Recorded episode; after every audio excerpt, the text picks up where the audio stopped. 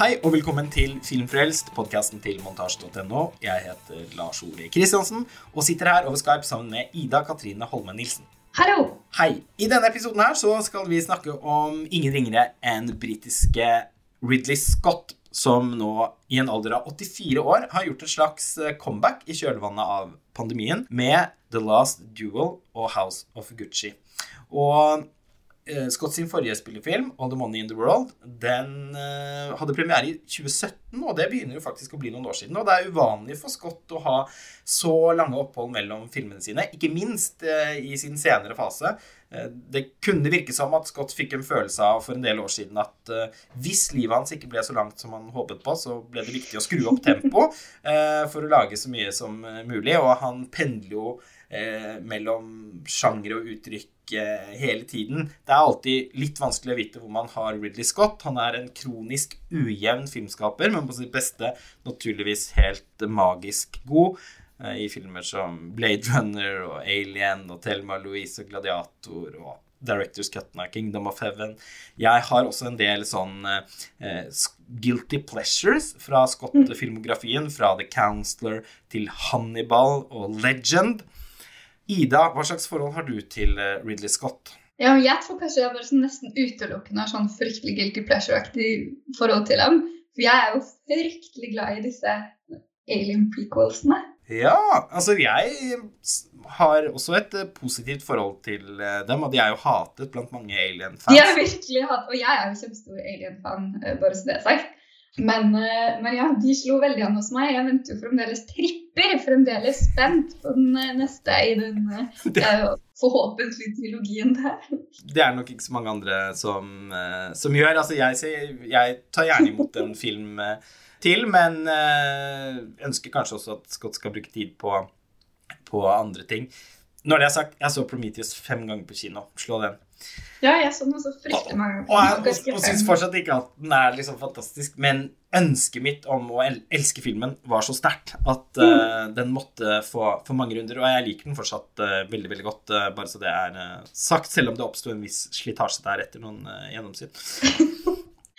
The Last Duel hadde jo premiere først under filmfestivalen i Venezia. Dagen etter at jeg og, og, og Karsten dro derfra. Og jeg har fortsatt ikke lyktes med å få sett den. Det skyldes bl.a.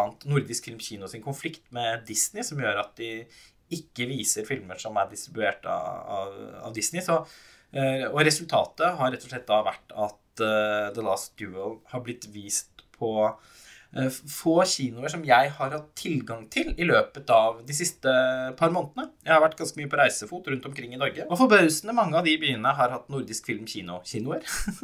Så den har jo ikke dukket opp på noen strømmetjeneste eller noe sånt nå ennå. Den vil ha premiere på Disney pluss, så jeg skal nok rekke å få sett den før vi snekrer sammen eh, årslistene våre. De kommer jo alltid litt sent, som leserne våre vet. Eh, Men eh, du har sett den, og det har Karsten også, og derfor skal eh, Karsten dukke opp i løpet av episoden og dele sine betraktninger om filmen eh, sammen med deg. Men først så skal vi da altså snakke om House of Gucci, som eh, går på kino nå. Og som eh, har fått mye oppmerksomhet, ikke bare fordi at den da gir liv til fortellingen om et motehus mange nok er fascinert av, men også fordi den er så stjernespekket. Altså, på rollelisten finner vi navn som Jeremy Irons, Jared Leto, sminket til det komplett ugjenkjennelige, Al Pacino, Salma Hayek, Adam Driver og ikke minst Lady Gaga. I hovedrollen som eh, Patricia Reggiani. Hva slags uh, fortelling er dette her, eh, Ida? Ja, men det er jo en, eh, jeg holdt på å si, det er jo en, det er en sånn fortelling fra virkeligheten som er litt sånn stranger than fiction. Fordi eh, Patricia Reggiani, hun giftet seg inn i den famøse Gucci-familien. Og det er det nærmeste man kommer kongelig i Italia å komme inn i en av disse store motehusfamiliene som er sånne nesten dynastier. Um, og dette ekteskapet varte i eh, nesten 20 år, så vidt jeg husker. Og endte i tragedie da Maurizio Gucci, som hun giftet seg med, mister interessen, kan man si, når Patricia Reggiani blir for ambisiøs. Og hun eh, tar et eh, drastisk valg som jeg ikke vet om vi skal spoile. Nei, altså jeg tenker jo at for de aller fleste som har satt seg litt inn i hva filmen handler om, så er det jo på en måte et kjent sak at det blir begått et drap her, i hvert fall. Som drap, hun ja. er involvert Patricia Reggiani er jo uh, som kjent har som kjent sittet i fengsel i veldig, veldig lenge for dette drapet på Maurizio Gucci. Og Ridley Scott sin, sin, film forteller denne historien. Og har fått mye kritikk for hvordan denne historien er fortalt, bl.a. for etterlevere av Gucci-familien. Og det er jo gjort visse endringer underveis, kan man si. Men jeg må jo si at det, den er jo fortalt på en litt fantastisk måte også, selv om jeg skjønner at man blir eh, provosert. ja, hva er det du tenker at uh, man kan bli provosert over, da? Eller at Gucci-familien i hvert fall er uh, opprørt over? Nei, altså de har jo fjernet en datter, blant annet. Uh, hun har jo bare én datter i filmen og to i virkeligheten, så det er jo sikkert den som føler seg litt forsmådd der. Men filmen har jo fått veldig kritikk for, og annet også i norske medier, for å være veldig overfladisk. Mens jeg føler at uh, dette overfladiske elementet er noe som egentlig underbygger tematikken uh, i spesielt vellykket grad.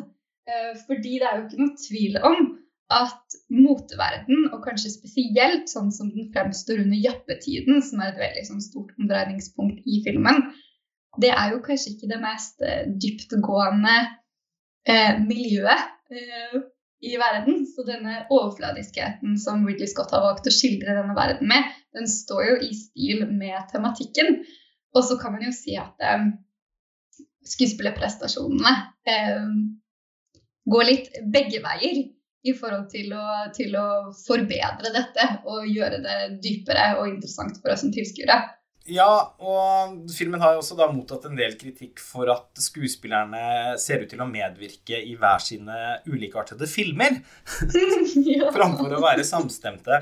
Eh, og hvis vi nå skal igangsette liksom vår kritiske vurdering av House of Gucci, så kan jeg bare slenge ut med en gang at eh, jeg kjente litt på at de, nettopp fordi at de er så selvsentrerte og overfladisk innstilt overfor andre enn seg selv, så ser de heller ikke seg selv og sin plass i rommet eh, mm. og sin posisjon i møte med andre mennesker, og at det medfører den type karikert eh, framferd. Og jeg må jo si at jeg har på en måte observert lignende måter å være på i min egen virkelighet, som er veldig fjernt fra, fra Gucci-familiens. Så eh, jeg, skal ikke, jeg vil ikke dra det så langt som, som å si at jeg syns at filmen virkelig liksom tar noe på kornet her. Men eh, jeg opplevde det som et poeng at de eh, At de liksom opererer med litt forskjellige tonearter. At det er eh, et kunstnerisk grep fra Scott sin side, da. Ja, jeg er for så vidt enig i det. Um, men det er også veldig mange som, sier, altså, som, har påpekt at disse relasjonene ikke virker ekte og nære, litt av samme årsak som det du beskriver der. Men jeg altså Nå er jo jeg et litt sånn iskaldt menneske i virkeligheten. Jeg gråter ikke av filmer og sånn. Da skal det i hvert fall være sånn helt prekært. Men Ja, jeg tenker på deg som en litt sånn Disney-skurkaktig skikkelse. i, i, forkledning. Men bare for å si det, så syns jo faktisk jeg at de Altså at, at uh, relasjonene i filmen var skildret på en veldig realistisk måte. Og jeg fikk faktisk veldig medfølelse for Lady Gagas rollefigur, Patricia Reggiani, um, som jo begår disse grusomme handlingene. Men jeg fikk jo veldig medfølelse for den måten hun, hun uh, Dette forholdet rakner på. Hun introduseres jo veldig liksom, herlig eh, idet hun eh, på en eh, fest sjekker opp eh, Maurizio Gucci og eh, sørger for at de møter hverandre igjen i noe så klisjéfullt som en bokhandler. Og det er jo litt sånn at hun bare liksom kaster seg over han. Når han presenterer seg med etternavn, vel å merke. Fordi først står han jo i baren ja da, han tror han er bartender som skal mikse henne en dry martini. Og Maurizio er jo litt av en tørpin egentlig, på tross av at han har spilt av en så karismatisk skuespiller som Adam Driver. Men uh, hun ser noe hun kan sette fyr på i denne kvisten, og, og, og han lar seg påtenne. Ja, han er en slags ønskekvist i så forstand. så sant som det er sagt. Uh, og uh, han venter ikke så lenge med å introdusere Patricia overfor sin uh, familie, og da ikke minst faren Rodolfo, spilt av Jeremy Irons. Den tidligere stumfilmstjernen Rodolfo. Ja, som raskt eh, bringer det opp i samtale idet de har sin første middag på en sikkert helt utmerket, men også litt sånn harry finrestaurant. Mm. Og Eh, han setter jo pris på Patricias selskap. Og hun er jo litt sånn åpen om at hennes liksom, talent i livet, det er å være sosial og bli likt og snakke med folk. Og det syns jeg eh, er Altså, jeg syns det er ordentlig gøy å se at Lady Gaga klarer å overbevise oss om at det er sant. Altså, hun virker jo som en en sånn slags spillets mester i eh, en del type settinger. Og det er noe denne Rodolfo vet å legge merke til, og til og med anerkjenne. Og han har ingenting imot at hun blir sett sammen med Maurizio, at hun på en eller annen måte blir inkludert i, eh, i familien, eh, og at de, er, at de, har et forhold. Men gifte seg, det, mm, det kan de ikke. Fordi at han eh, tenker at henne med hennes liksom, klassebakgrunn mm. eh, nødvendigvis er nødt til å være en gold digger, og at det er det eneste sønnen hans for enhver pris må unngå. Ja, og han har jo på, på, sin måte også rett, fordi hun blir jo fryktelig forblendet i det Gucci triller ut av Adam Drivers munn. Så det er jo ikke noe sånn Nei, altså jeg tenker at han har jo helt rett i analysen sin. Jeg syns han egentlig på mange måter var en av de mest sympatiske karakterene i filmen. Fordi at han, han leste rommet godt. Han leste rommet godt, men han tok jo på sin vis også litt feil, i og med at eh, de gifter seg jo likevel når han ø, skjærer hånden av ham. Så de har jo en sånn jeg holdt på å si, fattig tilværelse, er kanskje å dra i litt. Altså Patricias foreldre, foreldre er sånn self-made Eller faren er en sånn self-made man som driver med noe sånn Jeg tror de kaller det spedisjon, men eh, det er vel en form for sånn sånn trailervirksomhet. Ja, rett og slett et transportfirma, transportfirma som gjør ganske mange penger. Ja, som sikkert gjør ganske mange penger, men det er jo liksom ikke la meg si det, som det er kanskje ikke like stilig som Gucci. Og det er veldig morsomt det der med hvordan Jeremy Irons alltid blir en sånn snobb. Mm. Enten når man higer etter det eller befinner seg i det øverste laget. Altså Min yndlings-Jeremy Irons-rolle er jo Brideshead Revisited, hvor han jo ivrig er den som står utenfor og gjerne vil inn i de øverste klasselag i England. Reversals of Fortune er også verdt å merke seg. Det var vel ja. han vant Oscar for. Og ikke minst uh, hovedrollen i Adrian Lynes versjon av Lolita, som til dags dato er svært undervurdert. Ja, enig, for så vidt. Han er jo en litt sånn trollbindende skuespiller, Jeremy Irons. Han har noe sånn beskt og ondt ved seg, samtidig som man får lyst til å tilbringe tid sammen. Altså, man får lyst til å bli hans venn på en eller annen måte, føler jeg. Det er kanskje derfor jeg også ender med å beskrive han så upresist egentlig som sympatisk. ja, så uh, men, men, jeg har respekt for evnen til å uh, kunne avlese et sosialt rom og mm. ha, ha rett i sine vurderinger. Det syns jeg nesten alltid mennesker fortjener anerkjennelse for. At på tross av at det de sa kanskje uh, var litt ubehagelig der og da, så så, så, så, skal de ha for at de tross alt hadde rett, hvis det viser seg å være tilfellet. da. Og han var litt en sånn type for meg. Men vi blir jo nødt til å snakke om, om hans bror, eh, Aldo Gucci, spilt av Al Pacino, i sin mest Al Pacino-aktige rolle på lenge. Og Mauritios håpløse nevø, Paolo Gucci, spilt av Du tenker på proteseparaden Jared Leto? Ja, for jeg skulle til å si jeg, Man kan jo på en måte ikke si at han har spilt av Jared Leto, fordi Jared Leto er jo Han er jo inni der et sted. Somewhere. Jeg kan, jeg kan jo merke det til dels på spillestilen, og det er jo trekk fra Lito sin stemme og sånn, som man eh, kan identifisere eh, bak Ja. all lateksen. Men eh, det er altså en så forbløffende rolleprestasjon at jeg ikke helt klarte å ikke bli underholdt. Jeg syns den var helt katastrofal. Ja, og det, det kan jeg gi deg rett i, men la meg høre hvorfor først. Nei, men altså bare, bare tilføye at uh, det sies jo, holdt jeg på å si, at, um, at han ikke var seg selv på settet. At han nektet å møte opp på settet uten å være i denne full, full protese. At det er en sånn form for method acting eh, involvert her. Det er en slags form for protesemethod eh, involvert i det her.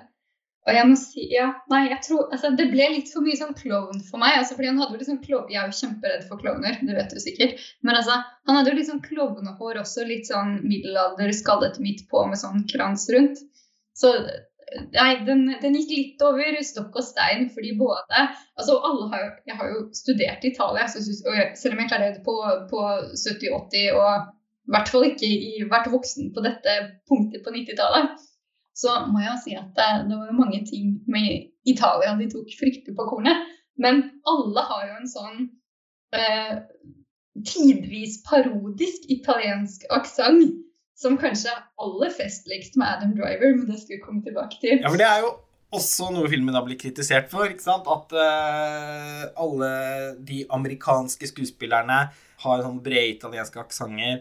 Man kan jo naturligvis drømme om at dette liksom var en Paolo Sorrentino-film fra den Mm. gangen Sorrentino var på sitt ypperste som filmskaper, med italienske skuespillere. Uh, det kunne jo plutselig blitt et eh, mesterverk. Men nå er den jo ikke det, og jeg syns også da at det er litt gøy at aksentene er så voldsomme, og særlig Lady Gaga, som har en slags sånn russisk-italiensk, som jeg Men hun har jo italienske aner. I Ja. minste. Altså Definitivt. Jeg har også sett den dokumentaren eh, på Netflix hvor det framkommer egentlig hvor kompleks og viktig den relasjonen til italiensk kultur er for henne Mm. i det virkelige liv. Men jeg syns jo på en måte det tenderer til sånn, eh, sånn nyrik russer. Mm. Eh, og det kler jo rollefiguren veldig godt. Fordi Veldig det litt vulgære ved, ved Patricia er jo litt sånn eh, Ja, nyrikt eh, russisk. Det kan vi komme tilbake til. Men ingen har vel rarere måte å fremføre denne broken English eh, på enn Lito. Men samtidig så er det så ærlig maniert at jeg var på grensen der noen ganger til å tenke at har jeg kanskje også på en måte sett denne typen før? Altså I virkeligheten. Ja, men altså Det er noen mennesker som er rammet av narsissisme i en sånn grad at de liksom blir nødt til å skru seg til for å være helt forsikret om at de har alle i sin hule hånd. At det ikke er mulig å, å, å høre noen andre enn dem selv. Og som er eh, nesten sånn patologisk dårlige lyttere, f.eks. Og det er han jo. Fordi det fremkommer jo i løpet av filmen at han har en slags ambisjon eh, for Gucci basert på sine egne motetegninger Yes. men fullstendig uten talent. Og det får han høre fra opptil flere av de andre øh, familiemedlemmene, uten at det på noe tidspunkt gjør at han betviler det han holder på med. Altså Han klarer ikke å ta imot andres tilbakemeldinger, og det blir jo liksom også hans enøyde og liksom sosialt uintelligente måte å være på. Blir jo også hans bane i fortellingen. Mm. Jeg synes ikke det er et eksempel på godt skuespill, men på en eller annen måte så hadde det kanskje noe for seg likevel. Og jeg syns i hvert fall at det bidro til filmens underholdningsverdi på samme måte som eh, poenget om at alle skuespillerne har litt sånn sin egen definerte stil. Ja, for han er jo en form for comic Eller jeg, jeg opplevde han i som en form for sånn comic relief. Men alt er jo litt comic relief. Og altså Lady Gaga er jo ofte veldig morsom i, i filmen. Hun er fryktelig morsom, men hun er Men det som er med Lady Gaga, da, fordi jeg holdt på å si Hun er jo Jeg er jo ikke sånn kjempepopmusikkfan eh, generelt. Og I motsetning til meg? Gaga. I motsetning til deg, ja. og heller ikke av Lady Gaga, men jeg kan da anerkjenne hennes liksom, kunstneriske intelligens og integritet.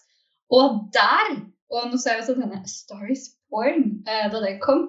Mm. Men der må jeg jo si at eh, hun som kunstner, også som skuespiller, hun har jo en sånn sårbarhet og forståelse av disse rollene som um, som, som, gir filmen en, en, form for følsomhet. Altså, så Det er også litt derfor jeg ikke helt klarer å ta inn over meg den kritikken om at filmen skal være så overfladisk og kald, i og med at jeg syns hun i all sin comic relief tilfører filmen så mye varme. Det er jeg helt uh, enig i. Og Lady Gaga har et utrolig spennende ansikt. Ja. Altså, hun er ikke sånn Rossi de Palma, på en måte, men det er likevel et sånn lite element av Picasso ved, uh, ved henne. Sjelden et kompliment, Lars Ole. Nei, men det er ment som et kompliment. Uh, jeg klarer ikke å ta liksom blikket vekk fra henne. Og jeg syns også hun ser ut som en klassisk Hollywood-stjerne. Det er noe med hele Altså, hun, hun lyser, da, på, på kinolerretet. Jeg syns hun har det som Barbara Streisand. Ja, men altså, hun er jo et utmerket eksempel på en eh, i og for seg ikke helt klassisk Hollywood-stjerne. Jeg var nå litt mer i retning av ja, Betty Davis eller Elizabeth Taylor. Eller, ja. Og nå tenkte jeg ikke på deres spesifikke utseender, men på en, en fase Karisma. av film. Ikke sant? En utstråling. Ja. Golden Age Hollywood. Eh, hun blir jo for øvrig morsomt nok sammenlignet med Elizabeth Taylor i løpet av filmen. Ja. Jeg vet ikke helt om jeg lot meg overbevise av det. Men Jeg ser jo hva han mener. Hun er jo en sånn form for discount Elizabeth Taylor når hun Ja. raver inn på den festen. Ja, da, ikke sant? Så det er likevel noe det, altså, da tenk, Hvis vi er i liksom Who's Afraid of Virginia Wolfland, så tenker jeg vi kanskje er inne på noe. Ja, ja, ja. Men altså, hun bærer den rollen, da. Også med en sånn stjernestolthet. Mm, mm. som brakte meg gjennom, som bar meg gjennom denne filmen. Hun fortjener den Oscar-nominasjonen, syns jeg. Jeg har ingen problemer med å forstå at eh, mange andre kritikere er uenig i det. At eh, det tross alt blir litt for skåret ut i papp. At uh, rolletolkningen i seg selv uh, kanskje ikke er så krevende eller har så mange uh, enkeltøyeblikk som virkelig står ut, målt opp mot en del av de andre som er i konkurranse, på en måte, om å få nominasjoner i år. Men som du sier, Ida, så bringer hun med seg en sjel og en varme som gjør at denne filmen får en bakkekontakt som den ellers ikke ville hatt. Mm. Og jeg klarer ikke å rive øynene vekk fra, fra henne. Nei, hun, er helt sånn, hun har en sånn hypnotisk kvalitet over seg. Og jeg tenker det er litt det du, du refererer til når du sier gamle Hollywood. fordi det er jo en sånn kvalitet som var veldig fremelsket i mange gamle Hollywood-stjerner. Um, og som man kanskje ikke fokuserer like mye på i casting i dag. Men ja, hun har eh, eh, også det at hun tør å være blodharry. Og Ja. det er jo litt, å si, det er jo litt sånn det er jo litt sånn i tråd med Gucci også. Altså det, er, det er jo klasse og nyrik og harry i ett og samme merke.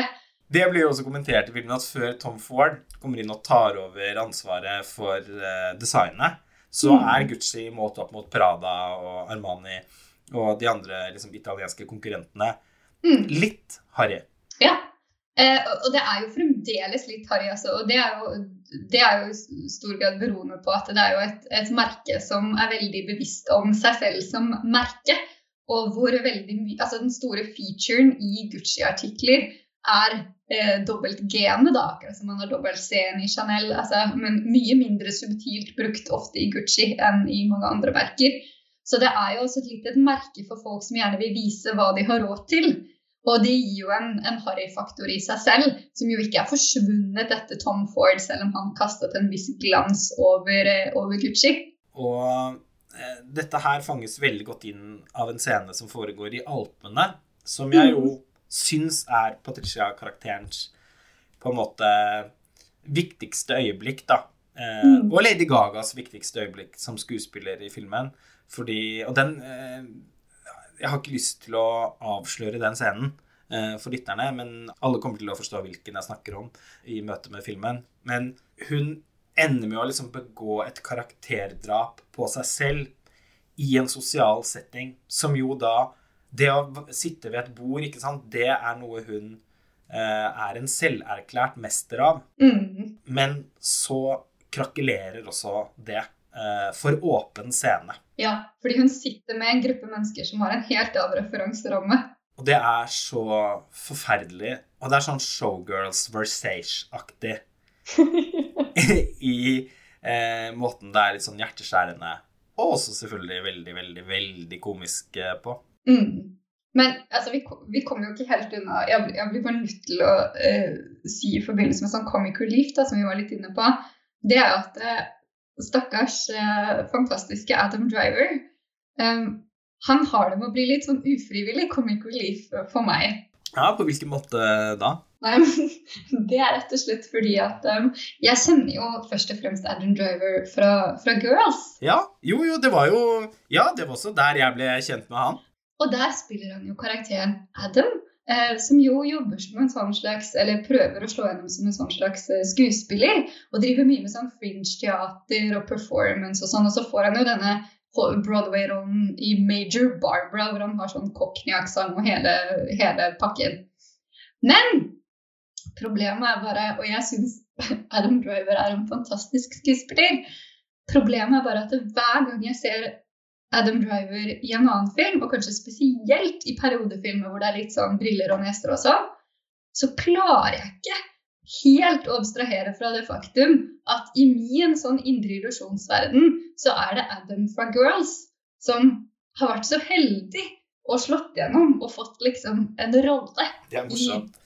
House of Gucci. Så for deg er han en slags sånn anokron, evig er metafigur? Men det er også fordi at når Adam Driver skal spille sånne litt um, Kan man kalle det outrerte karakterer, så har han samme spillestil som Adam i Girls har når han spiller. Hvor han sånn går litt opp på slutten av setningen og kikker litt til siden. Og det syns jeg ble sånn nesten grenseløst påfallende både i House of Gucci, selv om han spiller helt fantastisk, og i The Last Duel, som han jo også er med i. Så ja, det er, det er Adam fra Girls som har vært så heldig liksom å slå gjennom og få noen Hollywood-roller. Det er veldig morsomt. Jeg, jeg, jeg vet ikke om jeg tenker at jeg syns han gjør en helt fantastisk rolleprestasjon, jeg syns i alle fall han er god, og han bringer også alle litt ned. Han praktiserer jo på en måte den mest naturalistiske spillestilen i en film full av uh, fjas. Men en annen ting som står i underlig kontrast til alt dette fjaset, det er jo egentlig filmens uh, visualitet. Ridley Scott har liksom valgt å gi den et litt sånn 90-talls dagsåpegrått uttrykk, Mm. som jeg tenker at har sin funksjon, men som samtidig gir filmen et skinn av alvor som den ikke er helt tjent med. Og hvis han virkelig ønsket å liksom lage en familiesaga her, så måtte det ha vært med et helt annet manus som utgangspunkt, for jeg syns ikke den lykkes særlig godt med det. Den er mer som en slags sånn, eh, sånn tacky true crime.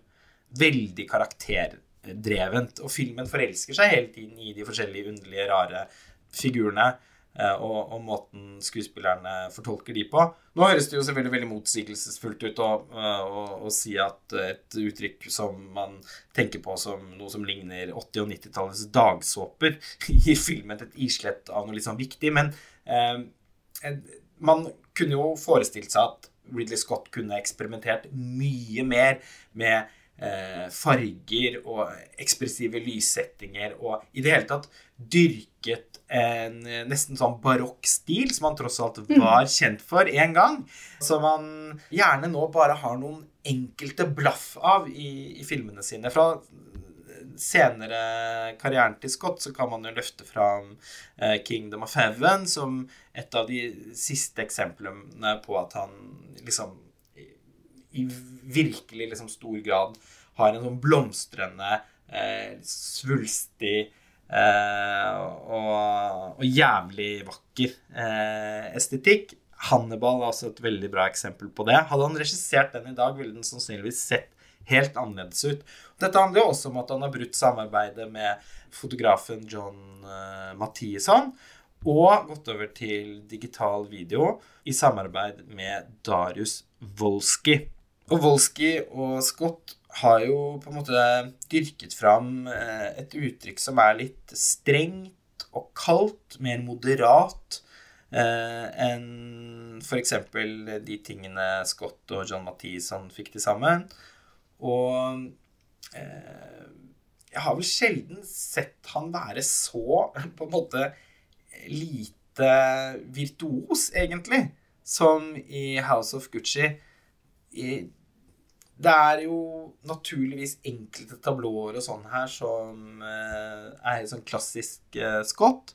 Han er jo i det hele tatt en veldig sånn mise-en-scène-orientert regissør. Alltid vært mer opptatt av det enn eh, kamerakoreografi, f.eks. Han har også på, i enkelte faser av karrieren, vært veldig orientert mot klipp. Eh, på nesten sånn sovjetisk montasjeinspirert måte i, i, i Gladiator og, og, Kingdom of Heaven f.eks. Nå tenker jeg naturligvis på actionsekvensene. Men her så syns jeg på en måte i sum at uttrykket trekker filmen unødvendig mye ned og får den til å eh, bli rett og slett bare litt sånn for miniserie for HBO-aktig. Eh, det blir ikke minst da understreket av eh, dramaturgien i manuset, som er litt sånn stakkato og episodisk. Eh, det er nesten sånn at jeg føler at vi istedenfor å stige over i en, la oss si, en tredje akt i filmen, snarere på en måte beveger oss inn i fjerde episode. Eller tredje episode. Det har du egentlig veldig rett i. Jeg har ikke tenkt på det sånn før, men det hadde jo vært en helt fantastisk miniserie. Nå likte jeg den eh, veldig godt som film også, bare sånn at det er sagt. Og den estetikken som du eh, ikke satte så veldig stor pris på, det var noe som jeg egentlig følte var veldig riktig i forhold til, i forhold til periodeuttrykket. Ja, det, og, og, der er jeg i utgangspunktet med deg, da, fordi at det er jo en, en, en eh, 80-90-tallskoloritt her som også er, er litt autentisk, da. Og det mm. setter jeg pris på. Men den måtte vært brutt opp, tror jeg, med noen flere med litt mer inspirerte filmatiske grep, rett og slett. Altså, ja. jeg syns at Scott går på autopilot her, sånn filmspråklig. Det blir for mange shot-reverse-shot-scener. Mm. For mange halvnære nærbilder med rollefigurer i, i, tett dialog. Og jeg tenker at når du sier at det, å, ja, men det ville vært en helt fantastisk miniserie, så sier det liksom også noe om hvor, hvor lave standarden våre når vi vurderer TV-serier, fortsatt er. Målt opp mot hvordan vi vurderer kinofilmer. Fordi jeg mm. tror helt oppriktig at hvis denne eh, filmen hadde vært ja, eh, på en måte spedd ut med noen ekstra scener, sånn at den ble nesten fire timer lang, Mm. Og blitt lansert som en fire episoder lang miniserie på HBO, så spår jeg at kritikermottagelsen ville vært vesentlig bedre enn mm. når den er en kinofilm. Og jeg tenker jo at det tross alt da ikke er et kompliment til kinofilmen, fordi eh, mange av de seriene som får så eh, blomstrende anmeldelser, ville jo ikke helt tålt et kinolerret. Nei, men bare for å utdype det, da, for min del, så var det jo fordi En av grunnene til at jeg ville være veldig enig med deg i forhold til at det kunne være en god miniserie, er jo fordi at jeg nettopp syns at eh, dramaturgien i disse kapitlene, eller episodene, som det så refererer til dem til, de klarer å holde seg eh, interessante og catchy bl.a. Eh, med måten han bruker musikk på, veldig aktivt.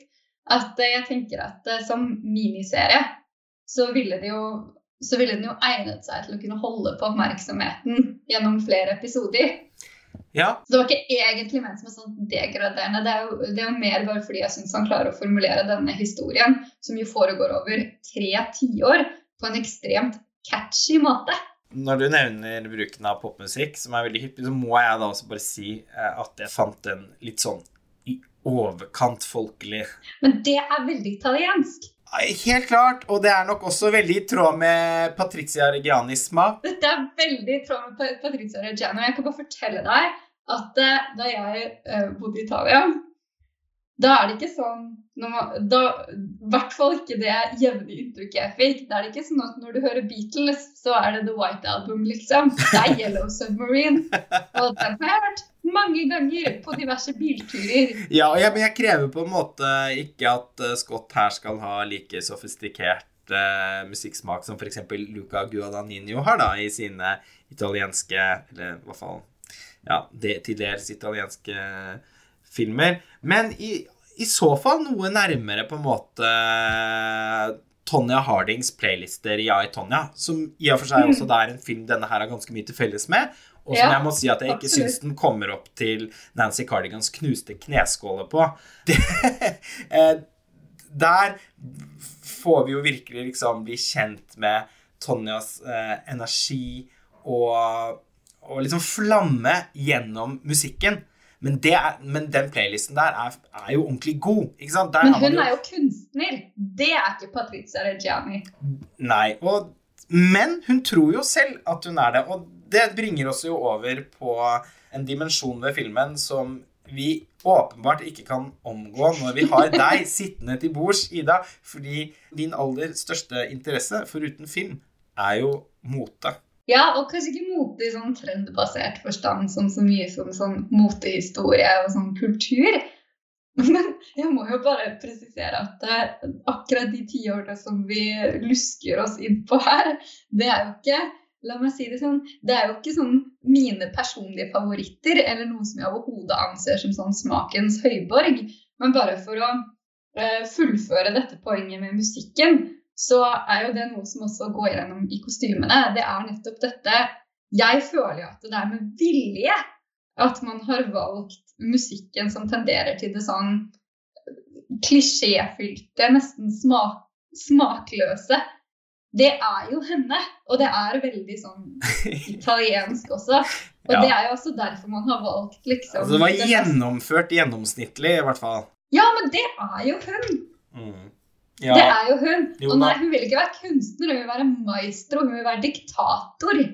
Det er jo ikke, altså, Hun har ikke noen, nødvendigvis noen kunstneriske visjoner for Gucci. Men jeg, jeg klarte ikke å liksom befri meg fra å sitte og drømme om hvilke låter de kunne spilt eh, i. Eh, De i og for seg likevel ikke eh, så fantastiske sekvensene der de gjør seg gjeldende, men, men altså Tilbake til, eh, til Gucci som motehus, og hvordan det liksom påvirker kostymeringen. Fordi Mm. der eh, må jo du ha eh, en oppfatning. Ja.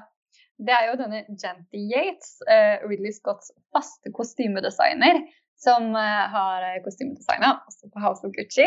Eh, hun vant en Oscar for Gladiator. Men ja, her har hun jo vært på oppdagelse i Gucci-arkivet. Og det blir jo veldig tydelig. Og da er det jo egentlig morsomt å se hvordan hun bruker Gucci som motehus og Gucci som referanseramme til å skape de forskjellige karakterene. Altså, for, selv om alle går i Gucci på et eller annet tidspunkt i løpet av denne filmen, så er det jo veldig Det er et veldig forskjellig ansikt av Gucci som vi ser på f.eks. Aldo Gucci og Rodolfo Gucci, eh, for å si det sånn. Men altså Men hva da med Paolo Gucci? Ja, ikke sant? Men jeg har mistenker at han går litt sånn i sitt eget design. Ja, det håper jeg jeg jo. Liksom The Fringe, for det var liksom virkelig uhyggelig med disse disse fargerike cordfløyelsdressene som er sånn dobbeltspent med én rad midt på. Hjelp! Men eh, ja. Men jeg syns det er veldig interessant, og det er jo noe som kjennetegner en god kostymedesigner, og som jo også liksom vitner om godt håndverk, at hun formår å bruke ett merke og én referanseramme til å skape så vidt forskjellige karakterer. Også hvordan Gucci kan være eh, en overklassemarkør og en klassemarkør på Jeremy Irons. Og en så nyrik og, og nesten sånn grell eh, harrymarkør som det er på Patricia Reggiani når hun skal være snowbunny i Alpene. Oh, ja. Eller når hun skal på fest. Det var faktisk også da observasjoner som jeg gjorde meg. Men opplever du at filmen på en eller annen måte eh, lykkes med å eh, til dels også hylle Gucci eh, som, som, som merkevare, eller som Guccis bidrag til motehistorien? Jeg opplevde jo på en måte da ikke det. Jeg, jeg tenker jo at det ikke er så underlig at Gucci-familien avskyr filmen. Mm. Det handler jo ikke bare om at den liksom roter i deres uh, private historier, holdt jeg på å si. Altså, men uh, og, og lokker spøkelser ut av, av skapene i Gucci-godset. For det er liksom også litt eh, et, en følelse av at man eh, driver litt gjøn med Gucci her. Ikke bare familien, men også egentlig, ja m- Mer enn eh, de spesifikke plaggene som vi får se i løpet av filmen. Noen av de er jo også ganske stilige. Men merkevaren Ja, det er jeg for så vidt ikke helt enig i. fordi sånn som hvis, du, hvis, hvis man leser seg opp på Guccis historie, så er det en veldig realistisk framstilling av merkets historie. og Hvordan det både har vært ekstremt irrelevant og ekstremt relevant innenfor en forholdsvis kort tidsperiode. Og jeg syns jo noe av det som, som jeg satte veldig pris på med kostymedesignet utover måten hun bruker merket til å forme de forskjellige karakterene på, er jo nettopp at det fremstår ganske stilig i all sin sånn blodharrighet. Eh, og det er jo altså veldig langt fra sånn mine personlige preferanser, eh, ikke bare sånn tidsmessig, men også rent estetisk. Og allikevel så oppfatter jeg det som en veldig stilig film. altså Jeg oppfatter det som en motefilm, selv om den da driver Jeg føler at den eneste karakteren den driver gjennom i forbindelse med Gucci, er jo nettopp denne klovnen, Paolo, altså Jared Leto sin karakter. Ja, altså, jeg er jo også enig i at sånn eh, At uttrykket som helhet, ikke sant, er stilig. Eh, men eh, jeg hadde nok kanskje trodd at det i større grad kom til å være en film som liksom forelsket seg i Gucci-motet på. Men det handler jo ikke om filmen i seg selv, det handler jo bare om hva slags forventninger jeg hadde knyttet til den. Og det er jo nok her noe av min litt sånn ambivalens overfor eh, House of Gucci eh, har sitt utspring. At jeg, jeg har så mange tanker om hva slags film dette kunne vært, som den Mm. ikke er. Og, men når, når alt det er sagt, så syns jeg jo også det var en meddrivende eh, Jeg syns jeg syns ikke den er spesielt godt fortalt, men jeg er likevel til enhver tid interessert i hva som skjer. Og jeg syns ikke at alle skuespillerne gjør virkelig gode rolleprestasjoner, men jeg er likevel fengslet av hva de holder på med. Jeg syns ikke filmen er så morsom og camp som den kunne ha vært, men den er likevel litt sånn genuint ekte blodharry når den trenger å være det. Den kunne vært så mye mer virtuos og ikke minst filmspråklig liksom, inspirert. Det, det syns jeg virkelig er eh, en, en skuffelse. Samtidig så er den jo også, som du påpeker, tross alt elegant, ikke sant? Og Ridley Scott er en så kompetent eh, regissør også når han er i et modus der jeg føler at han liksom bare lager noe. At resultatet vil ha noen Altså nødvendigvis eh, bære preg av, av den erfaringen, rett og slett. Han, så når han likevel rører såpass mye som han gjør her bare Charlie Leto, liksom. Og, og, og, og tenke at det var noe som kom til å fungere. Og nå har jeg jo påpekt at uh, for min del så På et helt underlig plan så fungerte det litt. Men, Mm. men det blir jo en veldig sånn privat betraktning, egentlig. Ja. Så når han først da på en måte tar sånne sjanser og er såpass litt sånn full sjømann ute på, øh, på, på gulvet opptil flere ganger, så skulle jeg ønske at det også eh, fant veien inn i, i iscenesettelsen, i kameraarbeidet, i klippingen, i jeg føler liksom at filmen kunne hatt så innmari mange flere sekvenser som virkelig var Som liksom dro tak i meg. Og der uh, syns jeg rett og slett ikke at Scott leverer. Men av alt det jeg har sagt, jeg liker filmen bedre enn veldig mange andre kritikere, basert på Mm. eh, anmeldelser jeg har lest. Jeg sitter igjen med inntrykk av at du egentlig er veldig begeistret. Ja, altså Ja, jeg tror nok også jeg er sånn mer begeistret enn deg, i hvert fall. Og jevnt over langt mer begeistret enn de fleste eh, enn, det, enn det meste av kritikerlandskapet, for å si det sånn. Men det handler jo også om Og dette er jo ikke fordi at man utelukkende skal bedømme en periodefilm på det. Og, jeg, og det er jo heller ikke fordi jeg ikke forstår dine liksom, lengsler i forhold til litt sånn filmspråklig krumspring som kunne vært begått. Men jeg for deg noen sånn Blade Runner-aktige tablåer. Ja, da, da, Uten science fiction-elementet. science fiction-elementet. Men jeg syns jo uh, Jeg syns nettopp dette som du etterlyser i forhold til hvor Campton kunne ha vært. Altså at det kunne bli liksom At det kunne gå liksom Met Gala over den hvis den Mm, hadde gått mm. i den retningen. Mens jeg syns egentlig det er et modig grep å holde på den autentisiteten som jeg så opplever at filmen har, midt oppi alle parykkene og løsnesene. Så Det er det, og, og veldig out of character for og Ridley veldig Scott. out of character. Ja, absolutt. Og, og Ridley Men- Scott er jo ikke helt en autør, ikke sant. Det er vanlig å omtale han som det fordi han er så stor filmskaper, men egentlig er han jo også litt per definisjon en oppdragsregissør. Ja, Og denne filmen her bærer preg av det.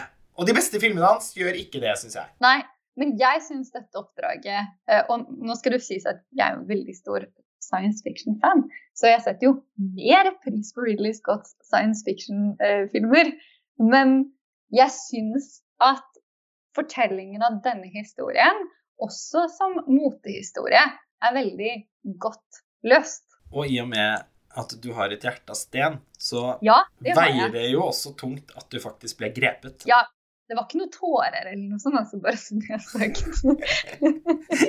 Nei, men Det er jo ikke Schindlers liste. Nei, jeg eh, må innrømme at jeg virkelig ikke kjente at tårene presset seg på her. Men jeg ble eh, på en måte ordentlig glad i Patricia Reggianis vesen og henne. Altså, jeg heiet på henne gjennom hele filmen. Ja, jeg heiet på henne gjennom hele filmen. Og den der sånn eh, måten som eh, Lady Gaga spiller forsmådd kvinne på uten å gå over i det parodiske, og fremdeles liksom holde seg i noe som er relaterbart på et eller annet følelsesmessig nivå, det var elegant gjort. Og det er jo ja, det, det er vel kanskje det vi er enige om, at eh, Lady Gaga fortjener en Oscar-nominasjon.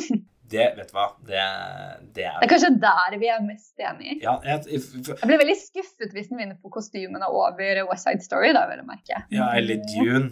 Eller Dune, absolutt. Så Nei, jeg spår at det ikke blir så mange nominasjoner på House of Gucci. Kritikermottakelsen har nok ikke vært solid nok eh, for det, men Lady Gaga er jo fortsatt eh, blant favorittene, i alle fall, til å bli nominert eh, for sin tolkning, og det syns jeg er eh, det, det vil jeg bejuble. Ja, Jeg tror ikke Jared Leto sikrer seg en birolle. neppe. Men jeg må jo si, altså bare sånn rent eh, kulturmessig, da, så er det jo nettopp disse sånn subtile tingene som, som jeg jo håper selvfølgelig er med vilje, med, eh, med sånn å stikke litt til Italia og sånn italiensk smak, ikke sant? Ved å nettopp bruke den musikken som kanskje ikke er det kuleste valget. Altså, det er Jeg må jo si at jeg jeg satt veldig pris på det, og syns det var fryktelig morsomt. Eh, vi skal eh, bevege oss over til eh, den andre Scott-filmen som har gått på kino i høst, nemlig The Last Duel. Og den har jo jeg da ikke hatt anledning til å få sett, eh, i og med at den rett og slett ikke har blitt vist i mange av byene jeg har eh, tilbrakt eh, tid i den, de siste par månedene. Så jeg vil på dette tidspunktet forlate podkasten, og så vil Karsten Meinick entre scenen. Ja, Lars Ole, tusen takk. Jeg har jo fått muligheten her til å ringe inn på slutten av deres eh, prat om Ridley Scotts House of Gucci. En film jeg da ikke har sett, og um, da var det litt sånn at jeg heller ikke ville være med å høre dere snakke om den, for jeg er veldig nysgjerrig på den filmen, og jeg har ikke så god kjennskap til denne Gucci-familiens bakhistorie. og Derfor tenker jeg litt at eh, jeg har lyst til å gå til den filmen litt uh, jomfruelig, da. Så jeg gleder meg til å høre det dere allerede har snakket om, og jeg vet jo at dere har snakket en god stund, så da regner jeg med at dere har vært innom mye rundt uh, Ridley Scott. Og The Last Duel, som var den andre nye filmen han har kommet med i høst, den har jeg sett. Eh, og det vet jeg at du også har, Ida, så derfor ble vi jo enige om at jeg kunne på en måte komme inn her på halen av den lange House of Gucci-episoden og bidra med en liten runde på The Last Duel. Eh, og Ida, nå som dere sikkert har allerede vært innom Ridley Scott en god del, så er det jo litt rørende og imponerende, syns jeg i hvert fall, at han som en noen og 80 år gammel regissør er såpass aktiv som han er, da. Og ut fra hva jeg har skjønt om House of Gucci, så er i hvert fall The Last Duel og, og den filmen ganske forskjellige. Og det er kult at han har gjort dem så tett på hverandre. Så jeg tenkte et sted å starte for min del, i hvert fall, Ida, så får jo du bare kime inn med, med hva, hvordan, hvordan, du så han filmen. Det er jo at jeg leser den jo litt sånn i lys av en rekke av Ridley Scott-filmer som utspiller seg litt sånn i historiske perioder. Hvis vi spoler helt tilbake til liksom Gladiator, da, som er uh, en eller annen gang rundt uh, år null, på alt å si, uh, tidlig, tidlig, i vår tidsregning, så, så, kan man også følge da Kingdom of Heaven og, og Robin Hood og The Last Duel, som er sånne filmer som utspiller seg litt sånn tidlig på, på 1000-tallet. 1100-tallet, 1200-tallet, 1300-tallet, 1400-tallet. Mm. Og så har man 1492, Columbus-filmen hans, som uh, utspiller seg på slutten av 1400-tallet og sånn. Så jeg, jeg syns det har alltid vært litt kult å følge med på at Ridley Scott har på en måte skrevet en litt sånn kronologisk historielinje med en del av sine filmer. Og dermed ble The Last Duel for meg litt ekstra interessant fordi den hoppet litt sånn inn i det, da. Um, og jeg vet ikke hvor mye du har lest om bakgrunnshistorien her, men det er jo litt basert på en sånn sann uh, fortelling, eller legende, kan man kanskje si, da, siden det har gått så mange hundre år siden. Men, men, det vi får se i den filmen her, er jo da i hvert fall en kjent historisk hendelse. Ja, det er jo visstnok en sann historie, men jeg føler jo at det er likevel en historie som har blitt sånn vinklet på en veldig sånn moderne tematikk. Uh, og den handler jo dypest sett om kvinnevold i denne middelalderperioden foregår på slutten av 1300-tallet. Mm. Bare for å begynne med det, jeg er jo veldig fascinert av middelalderen. Ikke for å sånn påberope meg noen som helst ekspertise liksom, på det sånn historisk, men en av mine største, første, største store filmopplevelser, mm. Det var faktisk Jeg er Norges eneste store Kristin Lavransdatter-fan. ja, altså Du kan sikkert finne noen andre hvis du leter. Det var jo en så populær film den gangen. Det glemmer man. Den slo jo veldig an på kino. Jeg var ja. ikke gammel nok til å se den på kino. så Jeg så den. Jeg husker den VHS-en. Ja, jeg hadde VHS-en. Og så eh, leste jeg faktisk Kransen før jeg så den da jeg var sånn wow. ti. Det var, var dedikert. Ja, veldig dedikert. Men den foregår jo på begynnelsen av, av eh, 1300-tallet. Og så har vi jo f.eks. også Bergmanns 'Det syvende innseilet', som mm. foregår på midten av 1300-tallet, altså under pestens inntog i Europa, som drepte mer enn 20 millioner mennesker på verdensbasis. Mm. Eh, og så har vi jo sånn som The Green Night, da, som også er en sånn eh, middelalderskildring med kanskje litt mer sånn fantastiske elementer, da, hvor den her i hvert fall forsøker å være mer realistisk. Ja, og jeg vil ikke prøve meg på å gjenfortelle plottet med alle rollefigurenes navn, for det er veldig mange ulike, ulike eh, adelnavn og slekter og borger og familier, men det er jo en uh, fransk uh, setting her. Altså, selv om vi har Hollywood-stjerner med, med, kav engelsk i, i, alle rollene, så er det jo mm. liksom i det franske samfunnet det utspiller seg, da, og vi har da jeg vil ikke si trekantdrama per se, men det er jo en film som har blitt mye omtalt allerede for at den har en litt sånn Rashomon-lignende fortellerstruktur. da. Så den er jo delt opp i kapitler hvor vi får de dramatiske hendelsene som skildres, fortalt og, og, og liksom Vi får ulike blikk på hva den sannheten er om hva som har mm. skjedd. Uh, og det er jo noe Akira Kurosawa uh, etablerte i filmhistorisk sammenheng, i hvert fall med Rashomon, og derfor henviser man ofte til den strukturen som, som ble etablert i den filmen. Og det er jo veldig sånn påfallende grep her i The Last Duel, Ida. Fordi i motsetning til Green Night så er jo ikke Ridley Scott ute etter å skape en sånn på en måte, ja, fantastisk eller ikke-realistisk eh, setting her. Det er tvert imot en veldig sånn hyperrealistisk skildring i det store og det hele. Mm. Med unntak av at det er amerikanske Hollywood-stjerner som spiller de forskjellige rollene. Sånn sett er filmen også litt gammeldags, på en måte. Man, og litt kluss med kostymene. Litt kluss med kostymene. Det håper jeg du kan uh, hjelpe oss med å få oversikt over. Men Grovt sett så vil jeg si at dette var en film jeg likte ganske godt. Um, jeg syns uh, på mange måter at sjarmen ved at Matt Damon og Ben Affleck er å se i, i, i, samme film igjen Adam Drivers karisma er på en måte litt sånn uimotståelig. Han er jo til og med ålreit å se på i dårlige filmer, liksom. Han er en av de. Og hun Jodie Comer, er det det hun heter? Ja. Hun har jo blitt kjent for TV-serien Killing Eve, som jeg ikke har sett et sekund av. Så jeg har på en måte veldig sånn andrehåndskjennskap til hva som har gjort henne en litt sånn populær, ung, ny skuespiller nå. Mm. Så for meg ble det litt sånn første møte med henne her, da, og syns hun var veldig bra. Så eh, før vi liksom dykker inn i det, så vil jeg jo si at jeg, jeg likte den filmen godt. Ja, jeg var ikke like begeistret som deg. Nei, jeg vet. Uh, men, jeg, altså, men jeg, jeg, si, jeg, setter pris på alle de tingene du har nevnt nå, egentlig. Og aldri har vel sånn sex med Matt Damon fremstått som mer usexy. um, og det var jo morsomt i seg selv. Men bare for å uh, nevne det med Adam Driver, som jeg jo fikk uh, forklart for uh, Lars Ole da du var eh, ute, av, ut av dansen her. Ikke sant? Jeg vet jo han spiller jo også i House of Gucci, ja. Han spiller jo i House of Gucci. Det er jo nettopp det at jeg syns jo han er en helt fantastisk skuespiller, men han får liksom aldri løsrevet seg fra rollen sin i Girls for min del. Og Nei. det blir Ja, det blir alltid en sånn, et, visst, eh, et visst nivå å være fremmedung i. At det, i hodet mitt så er det bare Adam fra Girls, som jo er sånn struggling actor, som bare har vært så heldig og skutt gullfuglen og fått masse store roller. Og i hvert fall når han spiller i sånn periodesetting som det er her, da, som er liksom, man kan vel Ja. kalle det en mer sånn ekstrem periodesetting, så er det akkurat som om ja, som om, eh, som om Adam Driver får et ekstra lag av Adam fra, eh, fra Girls som, eh, som spiller. Så jeg klarer ikke helt å ta han seriøst heller, selv om jeg er enig i at han er en veldig karismatisk skuespiller. Men det er morsomt det du sier om Adam Driver der, fordi jeg husker godt den perioden da Girls kom, og at man ble på en måte, ja, glad i den serien. Serien ble et fenomen, og Adam Driver fikk jo liksom skyrocket karriere, da. Og han var jo også, spilte jo også en liten rolle i Frances Ha, som kom omtrent samtidig. Mm.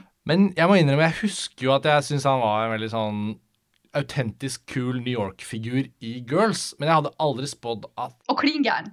og klin gæren, men jeg har aldri spådd at han som skuespillertype skulle være sånn totalt liksom tilsynelatende anvendelig i alle mulige typer filmunivers. Da, fra en Jim Jarmers-film til Star Wars eh, til Scorseses Silence, hvor jeg syns han gjør en veldig bra rolle, da, til alle disse andre filmene han nå har vært i det siste. Så Og Henry.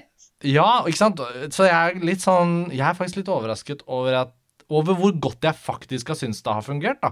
På tross av at jeg heller ikke klarer helt å riste av meg um, Adam Driver som uh, Adam E-Girls. da. Det, det, det kjenner jeg meg igjen i. Og her er det jo Kanskje hjelper det for meg litt at Ridley Scott han har han har skrudd av 10% syns jeg, på sånn ta denne filmen alvorlig. Han har liksom latt Ben Affleck og Adam Driver og Matt Damon de er liksom litt løsrevet fra en sånn hyperautentisitet, på en måte. At de, de får lov å jazze litt og ikke være helt sånn eh, tidsriktige til enhver tid. Jeg syns det tilfører en viss underholdningsverdi, og så løsdriver det filmen fra at den skal bli tatt sånn veldig, veldig alvorlig. Og det var jo noe av det som mislyktes veldig i Kingdom of Heaven kinoversjonen, hvor Orlando Bloom på en eller annen måte Filmen var for spak i den korte versjonen til at de tingene der funka, og der er det jo ingen som har noen ironisk distanse i det hele tatt. Det er en blodseriøs film. Da den omsider kom i den Directors Cut-versjonen, som vi har vært innom og snakket om på montasje tidligere, eh, som jeg virkelig syns er et mesterverk, det er en av de filmene jeg er mest overbevist om at har den største forskjellen i kvalitet fra på en måte den korte kinoversjonen til den lange Directors Cut-versjonen. Og der får den så mye kjøtt på benet at det alvoret på en måte virkelig synker inn. da. Mens i The Last Duel så føler jeg liksom at det er egentlig litt en sånn popkornfilm som, som litt bare uh, goes along, før det i tredje kapittel for alvor går opp for en som tilskuer at filmen faktisk har noe sånn tematisk på hjertet. da. For det ender jo egentlig å bli en periodefilm om vår tid. Eh, sånn opplevde jeg den i hvert fall. Ja, jeg er helt enig, fordi altså bare for å skissere plottet veldig sånn eh, løst, Ja. så handler det jo dypest sett om kvinner som eiendom. Mm. Og det er jo da Matt Damons karakter som egentlig er sånn over eh, stand til Adam Drivers karakter, men de er venner, og de har kjempet i krig sammen. Mm. Han opplever at Adam Driver blir mer anerkjent eh, av eh, The Count, som spilles av Ben Affleck. Mm. Og Matt Damons karakters finanser er i sånn komplett uorden. Og det bestemmer han seg for å fikse på ved å gifte seg med denne Jodie Comer, da, fordi han får en ganske stor medgift, bl.a. Mm. i form av land, altså store landområder. Og det er jo en inntektskilde i seg selv, fordi de som eh, bor på disse og dyrker disse landområdene, de betaler jo leie, da, kan man si, til, til landeieren. Så det er jo en, en man kan vel nesten kalle det en sånn passiv inntekt å få en sånn type medgift, altså ikke bare liksom en pose gull.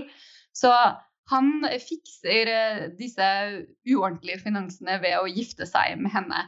Men hans tidligere våpendrager, nemlig Adam Driver, forelsker seg hodestups i denne utrolig vakre konen han har skaffet seg, og tolker henne sånn høflighet som noe mer.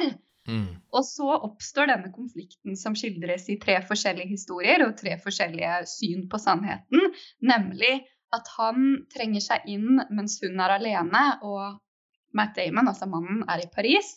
Og ifølge henne voldtar henne. Mm.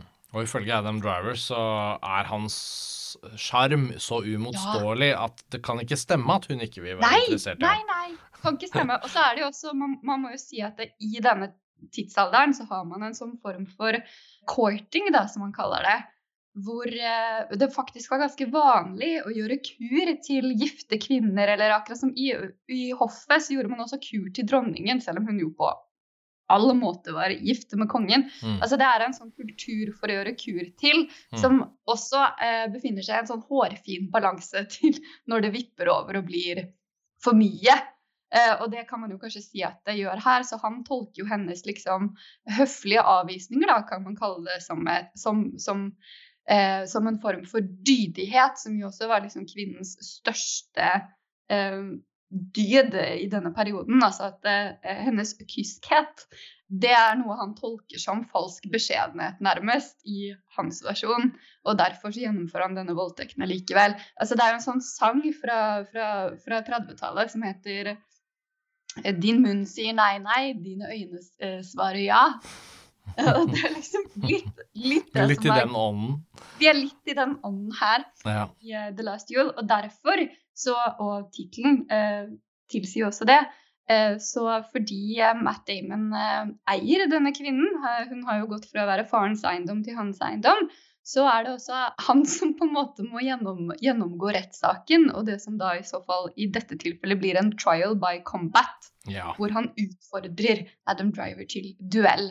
Men vi får jo da se disse tre versjonene av, av historien som det kjempes om. Ja, og denne titulære The Last Duel, det er jo da også The Last Duel i filmen. Så mm. eh, Nei, men det var veldig godt oppsummert, Ida, og det er så spennende, fordi mens du, mens du setter ord på det og liksom påminner oss om tradisjonene eller de innarbeidede måtene å være på og leve på fra den tiden, for det er jo veldig sånn uironisk eller uh, ikke i skildret, da, at jeg syns de bruker ganske mye tid på liksom alle disse møtene og alle disse æreskodeksene og alle disse uh, Ikke sant? Uh, og, og, det, og det, det rakner mer og mer for Matt Damons karakter etter hvert som han føler seg trampet på. Og han vil bare i bunn og grunn egentlig gjenopprette en form for æresfølelse. Så mm. det fine med de tre perspektivene og den Rashomon-strukturen er jo det at jeg syns filmen på sitt beste da får oss faktisk til å følge de tre perspektivene ganske engasjert. Uansett om man opplever en eller annen rollefigur mer eller mindre sympatisk eller usympatisk, så opplever jeg i hvert fall at vi, vi blir ganske nysgjerrige på å følge da hvordan det gitte perspektivet vil utspille seg. Mm. Og det syns jeg fungerte. Og så, og så husker jeg jo at eh, jeg faktisk ikke hadde egentlig fått med meg før jeg hadde sett filmen, at Matt Damon og Ben Affleck har skrevet denne filmen sammen med Nicole Holofcener. Og at dette er jo en av de første Jeg tror det er den første filmen de faktisk skriver sammen siden de vant Oscar for Good Will Hunting i 1997, som var jo deres gjennombrudd både som skuespillere og, og som liksom power players i Hollywood. Mm. Så det er jo en slags sånn merkelig og corny reunion at av alle ting, da, av alle prosjekter hvor de kunne ha jobbet både enten som skuespillere, manusfattere, regissører, så er, det, så er det på denne The Last Duel hvor de får en slags eh, reunion. Da. Det, er, det er jo ganske corny, men uh, Matt Damon har jo uttalt at de også hentet inn Nicole Holofcener, som jo er jo vel så kjent som regissør som manusforfatter, og at hun, hun er på en måte hovedforfatter for særlig da det kapitlet til hun Jodie Comers karakter. da. Som er det beste kapitlet, syns jeg. Ja, og, det, og det, uten det kapitlet er det jo på en måte ikke en film. Nei, og uten det kapitlet så får vi jo heller ikke så, kom, så får vi jo ikke heller det moderne perspektivet da, som både du og jeg ser ut til å tilskrive filmen. Ja, jeg tilskriver det definitivt filmen. jeg føler også faktisk at det er jo på en måte noe av meningen med hele filmen. Hadde de ikke Mm. hatt Jo, fordi jeg føler også at den som en frittstående periodefilm uten eh, den tematikken, og uten det å se det i et historisk perspektiv, og skape den refleksjonen til i dag, så opplever jeg jo filmen som påfallende uspennende og øh, merkelig å lage. Fordi da er den på en måte for Jo, men da er den for hverdagslig sin dramatikk til at man skal gidde å sette en fortelling til 1300-tallet og bruke alle pengene på kostymer og storslåtte greier. Sånn, det er jo Og orger. ja, ja. Og hvis noen ikke um, føler at de kanskje har sett noen Nicole Holofcener-filmer eller kjenner til den, så må jeg bare varmt anbefale. Hun har gjort mye TV òg, og hun har liksom virkelig en, en status, men jeg må bare trekke fram at hun har gjort en veldig skjønn film som heter Enough Said, med Julia Louis Dreyfus, kjent som Elaine på Seinfeld. Og uh, James Gandolfini, som var den siste tror jeg, filmen han rakk å gjøre før han bare brått døde av hjerteinfarkt. Og Please Give er også en ganske fin film, uh, men siden 2013 så har hun jo hovedsak jobbet i TV. da. Hun, hun lagde vel en film for et par år siden som het eh, Land of Steady Habits. Har jeg ikke sett, men hun har sånn veldig sånn fint blikk da, for en viss type sånn relasjonsskildringer som som i hvert fall jeg Jeg husker jeg så Enough Said uh, helt sånn ut av det blå, men ble veldig grepet av den. Og det er på en måte en sånn såkalt liten film, litt sånn Sundance-film, men, men, veldig fin. Og mm, ja, jeg har alltid tenkt at hun lager bra ting, så det var liksom veldig corny, men veldig gøy overraskelse at hun er en av mannsfatterne på denne filmen. Så jeg syns egentlig i det store og hele er det ganske mye rart med The Last Duel, men, men denne lapskausen av elementer for meg i hvert fall endte opp med å funke veldig bra. Men da er jeg jo selvfølgelig nysgjerrig på hva var det som klødde mest og rykket mest uh, for deg her?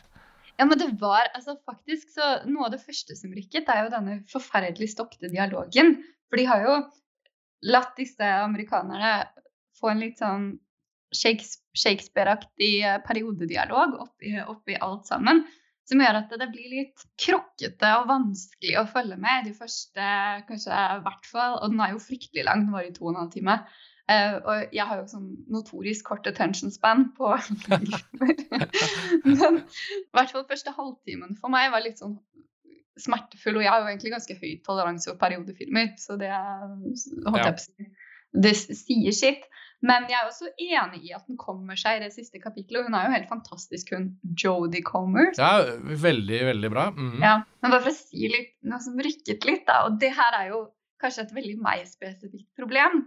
For jeg sier jo ikke at alt må være historisk korrekt. Og som sagt, jeg har ikke noe sånn, nødvendigvis noe sånn detaljkunnskap på alle tiår i middelalderen og sånn. Og det er jo ikke en dokumentarfilm. Eh, kunstnerisk frihet eh, skal jo som utgangspunkt ikke være noe negativt. Det finnes jo flere eksempler på at det fungerer. Mm. Men i min verden, hvis man vil opprettholde en viss illusjon av autentisitet, så tenker jeg at det må være noen grenser. Og da blir det ofte sånn at hvis man, hvis man tråkker over den grensen på et eller annet sted i filmen for meg, så er det litt ødelagt når de har litt for mye sminke på. Eller altså, jeg vil bare si den vanligste dødssynden. Uh, jeg pleier å si at det er bare barn og skjøger som har håret løst. Eh, fram til sånn forholdsvis eh, moderne tid, altså fram til vi kommer på 1900-tallet. Ja. Reglene er selvfølgelig litt annerledes i denne perioden, altså i middelalderen. Så det er jo derfor du ser sånne eh, middelaldermalerier med kvinner som har sånn langt utslått hår. Eh, sånn veldig langt, mm. veldig romantisk utslått hår. Eh, da var man en såkalt maiden, altså det var før man ble gift. Mm. Og, og, dette har jo selvfølgelig dype sånn religiøse konnotasjoner, at når man gifter seg, så dekker man til håret og setter det opp. Og sånn har det jo vært eh, i flere hundre år etterpå. Eh, F.eks. i Kristin Lavransdatter datter så begynner jo hele filmen med at Kristin, som mor Åshild sier, slår håret ut for siste gang fordi hun skal gifte seg. ikke sant? Så jeg blir alltid litt sånn, Når folk går sånn og flagrer med håret etter de er gift, så blir jeg alltid bare litt sånn Nei. Det, nei. er, det, er, det, er, det, sånn at det å kjenne til sånne type ting Det er kjempeødeleggende. Ja, fordi... Det er helt katastrofe. Jeg er jo helt fritatt fra det. ja, ikke sant? Var så deilig. Altså, ignorance is bliss. Ja, litt bliss, uh, for å sitere godeste Cypher. Men det var ikke så ille den her, bare så det er sagt. Og det var jo egentlig ganske befriende at det hadde tøft, uh, veldig sånn tøft at man har valgt å inkludere noen litt sånn uflatterende, men korrekte ting. Mm. Uh, som eksempel disse jeg vet ikke om du har merket det, men sånn, det som ser ut som en nesten sånn bordserviett fra en fin restaurant med en sånn sølvcirclet rundt. Det er ganske korrekt. Og hvis det hadde vært noen tiår tidligere, så hadde man også hatt en sånn fin hakestropp ja. Veldig uh, sexy. Og det er noe som gifte kvinner uh, ville gått med. Så det er tøft at man har inkludert det. Det var sånn jeg pleide å kle meg ut når jeg lekte Jomfru Marion da jeg var liten. ja, men Dette er veldig morsomme detaljer. altså Tenke på at hvor, hvor ulikt man kan tolke, tolke, et bilde, da, eller oppleve en film. Altså, det kommer jo litt i veien for deg. Det er jo uheldig, det, da, men uh... ja, Men det er ikke det som kom mest i veien. Fordi det var nemlig en av disse famøse orgiescenene med Ben Affleck og Adam Driver. Og det er ikke noe sånn, nødvendigvis noe sånn uh, ukorrekt med, med orgien i seg selv.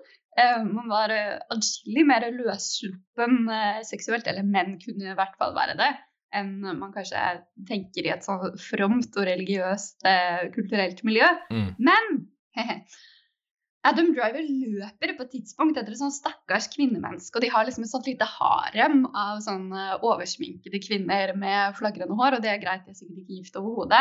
Men én ting som jeg satt og surnet over, og som kanskje la sånn litt sånn tung regnsky over resten av filmopplevelsen, det var at disse, disse damene de liksom spratt rundt i sånne nesten sånne mamelukker. Og da kan jeg bare fortelle deg at tobenede undertøysplagg for kvinner, det var ikke en ting før på 1800-tallet.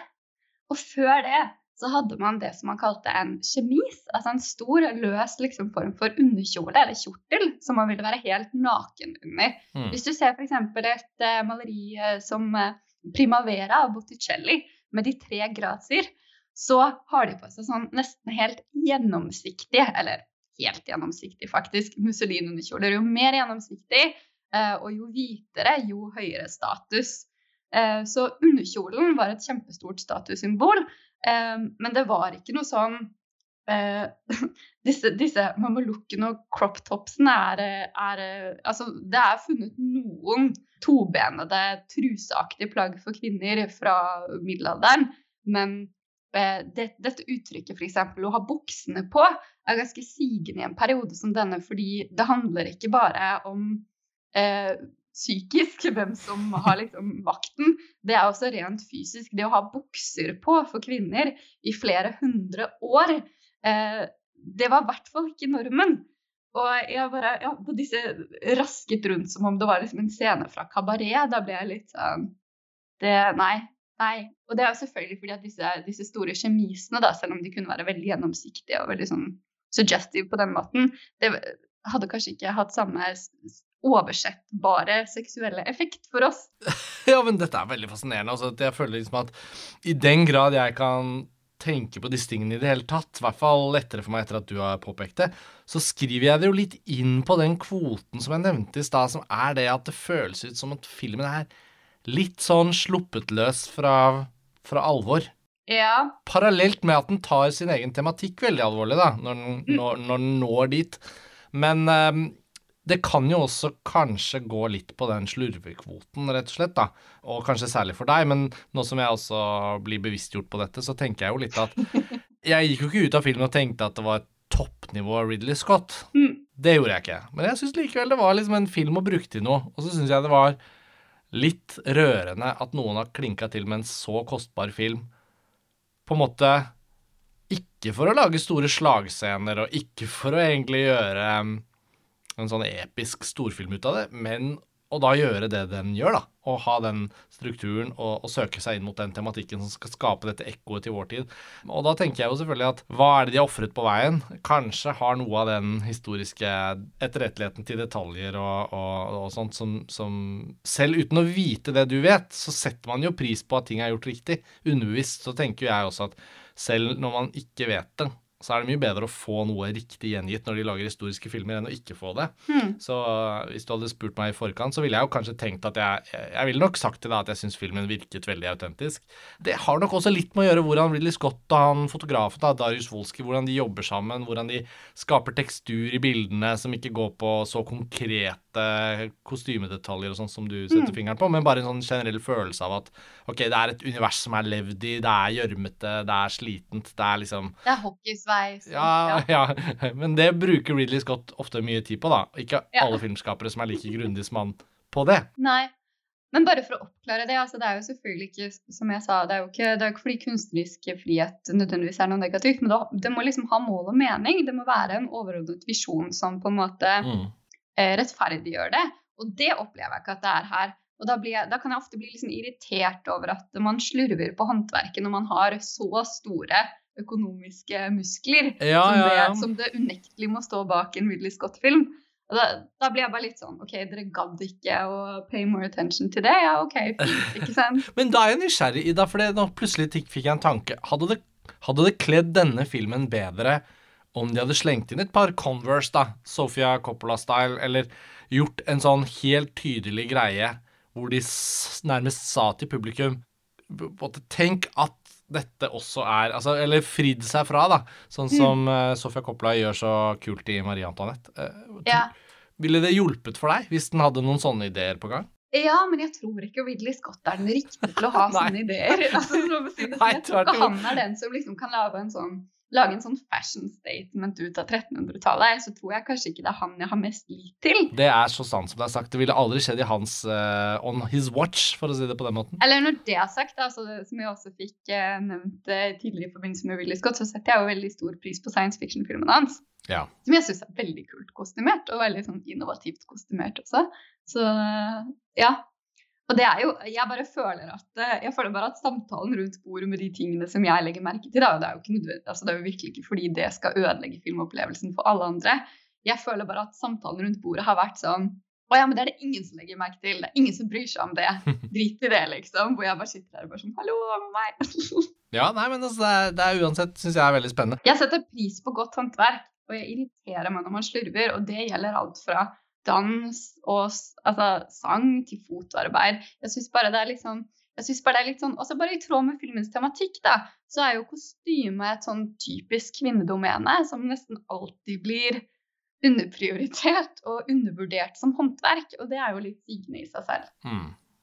Nå har jo ikke jeg hørt House of Gucci-praten deres, da, men eh, jeg vet jo da per klokka at uh, vi er jo ja, mot slutten nå av en ganske lang Ridley Scott-episode.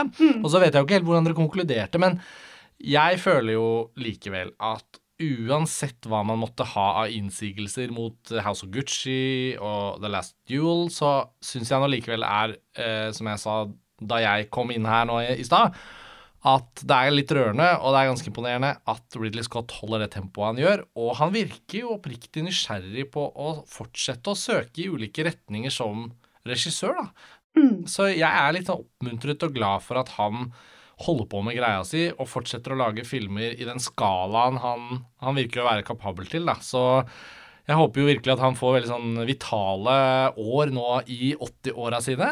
For det virker han jo å ha satt, eh, satt i gang med. Så mm, jeg tenker vi må nok nødvendigvis nå kanskje avslutte å oppsummere, da, etter at episoden har, har kommet såpass langt og, og blitt såpass uh, omfangsrik. Så hvis vi skulle oppsummert, uh, Ida, uh, siden du har vært med hele veien, skikkelig maratonpodkast, hvordan konkluderer du? Eh, ja, altså det var uh, Vi var jo litt inne på, jeg og Lars Ole, at eh, Ridley Scott er jo ikke nødvendigvis noe sånn Han er jo kanskje mer en sånn oppdragsfilmskaper enn autør.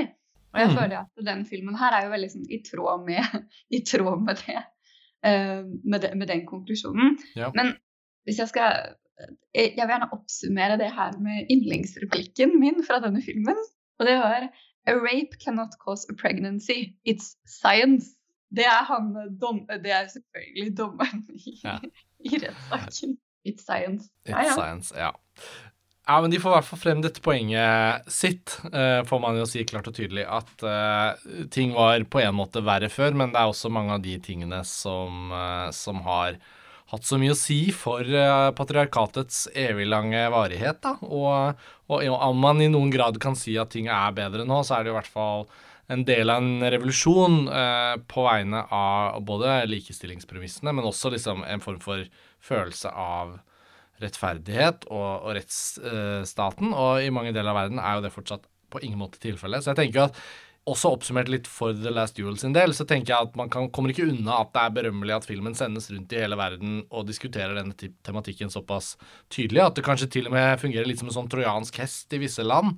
At, eh, at filmen kommer der med sine store Hollywood-stjerner og ser ut som en, en slags maskulin actionfilm, og så ender den opp der den gjør, da. Det, Ja, det er ganske Den har jo ikke slått an på kino, noe som eh, Ridley Scott har vært veldig uh, høylytt irritert Ja, jeg, jeg, jeg fikk med meg det. Han er jo litt en grumpy old man òg, selv om han lager kule filmer og er noen 80. Så um, han har vel påberopt seg retten da, til å sitte og være uh, Get off my porch, eller hva det heter. At å sitte der og være sur. Nei, men Ida, tusen takk for uh, deltakelsen her i dette maratonløpet. Um, jeg gleder meg da selv til å sette meg ned og trykke play på denne episoden etter at jeg har fått sett House of Gucci og Last, The Last Duel er snart å se på en hjemmekino eller uh, svær TV i nærheten av oss alle. Så vi får oppsummere på den måten. Ida, nok en gang, takk for praten. Eh, jeg var på vei til å få tak i Lars Ole og få han til å være med og si ha det bra, men eh, det tror jeg vi skal skippe. Så på vegne av han og på vegne av meg, takk for at dere hører på Filmfrelst. Vi er snart tilbake med nye episoder. Ha det bra. Ha det.